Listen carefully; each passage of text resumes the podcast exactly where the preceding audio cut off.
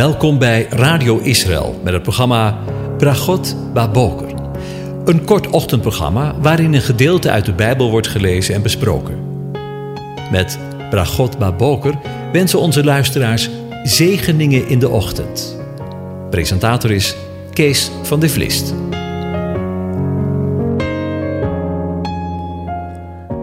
Goedemorgen, Bokatov, beste luisteraars. We gaan vanmorgen weer verder nadenken over Psalm 104. En ik lees de eerste 18 versen aan u voor. Loof de Heere, mijn ziel. Heere, mijn God, u bent zeer groot. U bent met majesteit en glorie bekleed. Hij hult zich in het licht als in een mantel. Hij spant de hemel uit als een tentkleed. Hij maakt de zoldering van zijn hemelzalen op wateren. Hij maakt van de wolken zijn wagen. Hij wandelt op de vleugels van de wind. Hij maakt zijn engelen tot hulpvaardige geesten, zijn dienaren tot vlammend vuur. Hij heeft de aarde gegrondvest op zijn fundamenten, die zal voor eeuwig en altijd niet wankelen. U had hem met de watervloed als met een gewaad bedekt. Het water stond boven de bergen. Door uw bestraffing vluchtten ze. Ze haasten zich weg voor het geluid van uw donder. De bergen rezen op, de dalen daalden neer, op de plaats die u ervoor bestemd had. U hebt een grens gesteld die ze niet zullen overgaan. Ze zullen de aarde nooit meer bedekken. Hij wijst de bronnen hun loop naar de dalen, zodat ze tussen de bergen doorstromen. Ze geven alle dieren van het veld te drinken. De wilde ezels lessen er een dorst. Daarbij wonen de vogels in de lucht. Hun stem klinkt tussen de takken. Hij bevochtigt de bergen vanuit zijn hemelzalen. De aarde wordt verzadigd door de vrucht van uw werken. Hij doet het gras groeien voor de dieren, het gewas ten dienste van de mens. Hij brengt voedsel uit de aarde voort, wijn die het hart de sterveling verblijdt, olie die zijn gezicht doet glanzen en brood dat het hart van de sterveling versterkt. De bomen van de Heere worden verzadigd, de ceders van de Libanon die hij geplant heeft. Daar nestelen de vogeltjes, de cipressen zijn het huis voor de ooievaar. En de hoge bergen zijn voor de steenbokken. De rotsen zijn een toevluchtsoord voor de kliptossen. Tot zover. Over wilde ezels gesproken. Gisteren overdachten we vers 10, waar we lezen: Hij wijst de bronnen hun loop naar de dalen, zodat ze tussen de bergen doorstromen. En door dit bewateringssysteem dat God heeft gemaakt en bedacht, hebben alle dieren van het veld te drinken. Ze geven alle dieren van het veld te drinken. De wilde ezels lessen er hun dorst, lezen we. Zo houdt hij ze in leven. Ook de wilde ezels lessen er hun dorst. Wilde ezels leven in de droge woestijn in Israël. En ze hebben het water hard nodig. De meest ontembare dieren, die ver van de mens verwijderd leven en volledig afhankelijk zijn van zijn hulp, zijn voor God een voorwerp van zorg. En ik wil u even vragen deze gedachte vast te houden. De eerste keer dat er in de Bijbel gesproken wordt over de wilde ezel vinden we in Genesis 16, bij de geschiedenis van Hagar met Ismaël. Laten we de geschiedenis eens lezen. Sarai, de vrouw van Abraham, had hem geen kinderen geschonken. Nu had zij een Egyptische slavin, van wie de naam Hagar was. Daarom zei Sarai tegen Abraham: Zie toch, de Heer heeft mij, mijn baarmoeder, gesloten, zodat ik geen kinderen kan krijgen. Kom toch naar mijn slavin, Misschien zal er uit haar nageslacht krijgen. Letterlijk gebouwd worden. En Abraham? Hij luisterde naar de stem van Sarai. Toen nam Sarai, de vrouw van Abraham, Hagar, de Egyptische, haar slavin, nadat Abraham tien jaar in het land van Canaan gewoond had, en gaf haar aan Abraham, haar man, als vrouw voor hem. Hij kwam bij Hagar en ze werd zwanger. Toen zij nu zag dat ze zwanger was, was haar meesteres in haar ogen verachtelijk. Toen zei Sarai tegen Abraham: De verantwoordelijkheid voor het onrecht dat mij wordt aangedaan, die ligt bij jou. Ik heb jou zelf mijn slaaf in je schoot gegeven, maar nu ziet zij dat ze zwanger geworden is, ben ik in haar ogen verachtelijk. Laat de Heere oordelen tussen mij en jou. En Abraham zei tegen Sarai: Zie, jouw slavin is in jouw macht. Doe met haar wat goed is in jouw ogen. Toen vernederde Sarai haar, zodat ze bij haar wegvluchtte. En de engel van de Heere vond haar bij, en moet u opletten, de waterbron in de woestijn, bij de bron aan de weg van Sur. En hij zei, Hagar, slavin van Sarai, waar komt u vandaan en waar ga je heen? Zei tegen, ik ben, ik ben op de vlucht voor mijn meesteres Sarai. Toen zei de engel van de Heere tegen haar, keer terug naar uw meesteres en onderwerp u aan haar gezag. Letterlijk, verneder u onder haar handen. Verder zei de engel van de Heer tegen haar: Ik zal uw nageslacht zeer talrijk maken. Let op, ik zal uw nageslacht zeer talrijk maken, zodat het vanwege de menigte niet geteld kon worden. Ook zei de engel van de Heer tegen haar: Zie, u moet op die woorden eens letten. Zie, u bent zwanger. U zult een zoon baren. En u moet hem de naam Ismaël. En Ismaël betekent God hoort geven. Omdat de Heer uw verdrukking gehoord heeft. En hij zal zijn, en daar ging het me eigenlijk om, een wilde ezel van een mens. Zijn hand zal tegen allen zijn, en de hand van allen tegen hem. En hij zal wonen tegenover zijn broeders. En hij zal wonen tegenover zijn broeders. Ja, mogen we eens een paar zaken die we vanmorgen met elkaar gelezen hebben naast elkaar leggen. Ismaël betekent God hoort. God hoort het gebed van Hagar in de woestijn bij een waterbron. God vergelijkt Israël met een wilde ezel van een mens. En God zorgt voor de wilde ezels. Zij lessen in de woestijn hun dorst. Ja, dat bracht we bij het volgende. De vraag komt dan bij mij op of God ook in de tijd waarin wij leven de Ismaëlieten, de Islamieten, hun dorstles. Want zij zijn uiteindelijk de afstammelingen van Ismaël.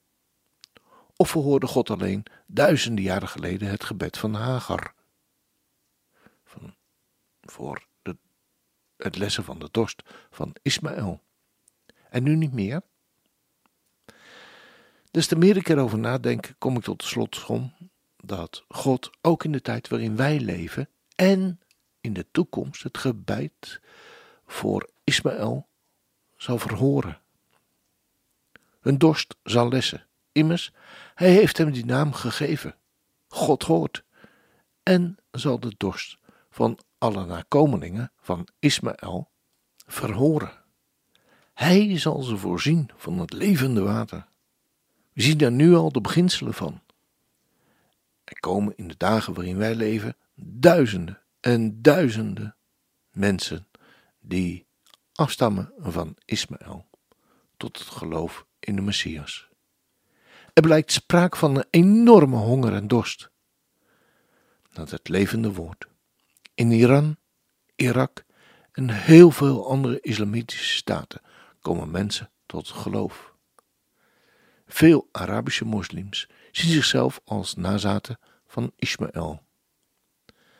Het leven zoals dat in de Messias te vinden is, mag en moet ook Ismaël bekend worden gemaakt.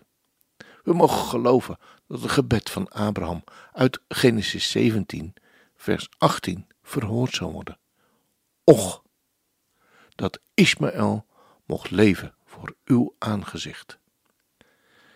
Door de Arabische wereld zijn er nu nog bijbelse gebeloften. Zo staat in Jesaja 19, vers 24 en 25: Op die dag zal Israël een derde zijn naast Egypte en Assyrië. Assyrië, dat is Irak. Een zegen in het midden van de aarde. Want de Heere van de legermachten zal hen zegenen. Met de woorden: Gezegend zijn mijn volk, Egypte, het werk van mijn handen, Assyrië, en mijn eigendom, Israël. Op die dag zal Israël de derde zijn, beter vertaald, een derde. Niet derde in rang, maar het laat zien dat ze een vooraanstaande positie zullen behouden. Maar de gemeenschappelijke tussenpersoon zullen zijn de andere twee samenbrengend. Een zegen in het midden van het land, vervolgt de tekst dan. Maar beter vertaald lezen we: in het midden van de aarde. Geweldig. Het geloof dat er één God is, gesteund door Gods volk in Palestina, Egypte en Mesopotamië, zal een zegen zijn. Niet alleen voor die drie landen, maar voor de wereld in het algemeen. Dat geldt ook en nog meer voor het christendom, voor u en voor mij. Als dat geen zegen is. In dit verband wil ik graag nog Psalm 87 met u lezen. Een psalm, een lied van de zonen van Korach. Zijn fundament rust op de heilige bergen. De Heere heeft de poorten van Sion lief boven alle woningen van Jacob. Zeer heerlijke dingen worden over u gesproken, stad van God. Ik noem Rahab en Babel, onder wie mij kennen. Zie, de Filistijn en de Tyriër en de Cushiet, die daar geboren zijn. Van Sion wordt gezegd, man voor man is erin geboren. De Allerhoogste zelf doet haar stand houden. De Heere telt hen erbij wanneer hij de volken opschrijft en zegt: Deze is daar geboren. De zangers, evenals zij, die in rijen dansen, zij zingen: Al mijn bronnen zijn in u. En zo komen we weer uit bij Psalm 104. Hij wijst de bronnen hun loop naar de dalen, zodat ze tussen de bergen doorstromen. Ze geven alle dieren van het veld te drinken. De wilde ezels blessen er hun dorst.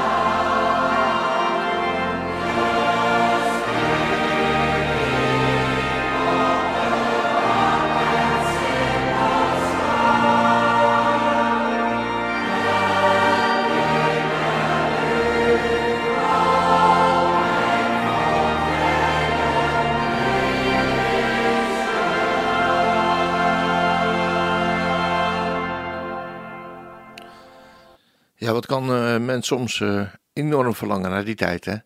Dat uh, we met elkaar de Heere groot mogen maken. Geweldig. Dan eindigen we deze uitzending zoals we gebruikelijk zijn, met God zegen. Dan wens ik u ook God zegen toe. De Heer zegene en hij behoedt u. De Heer doet zijn aangezicht over u lichten en zij u ook genadig. De Heer verheft zijn aangezicht over u en geeft u zijn vrede, zijn shalom. Amen.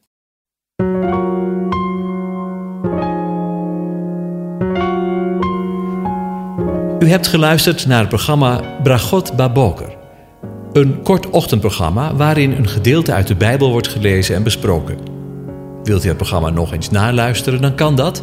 Ga naar radioisrael.nl en klik onder het kopje radio op Uitzending gemist.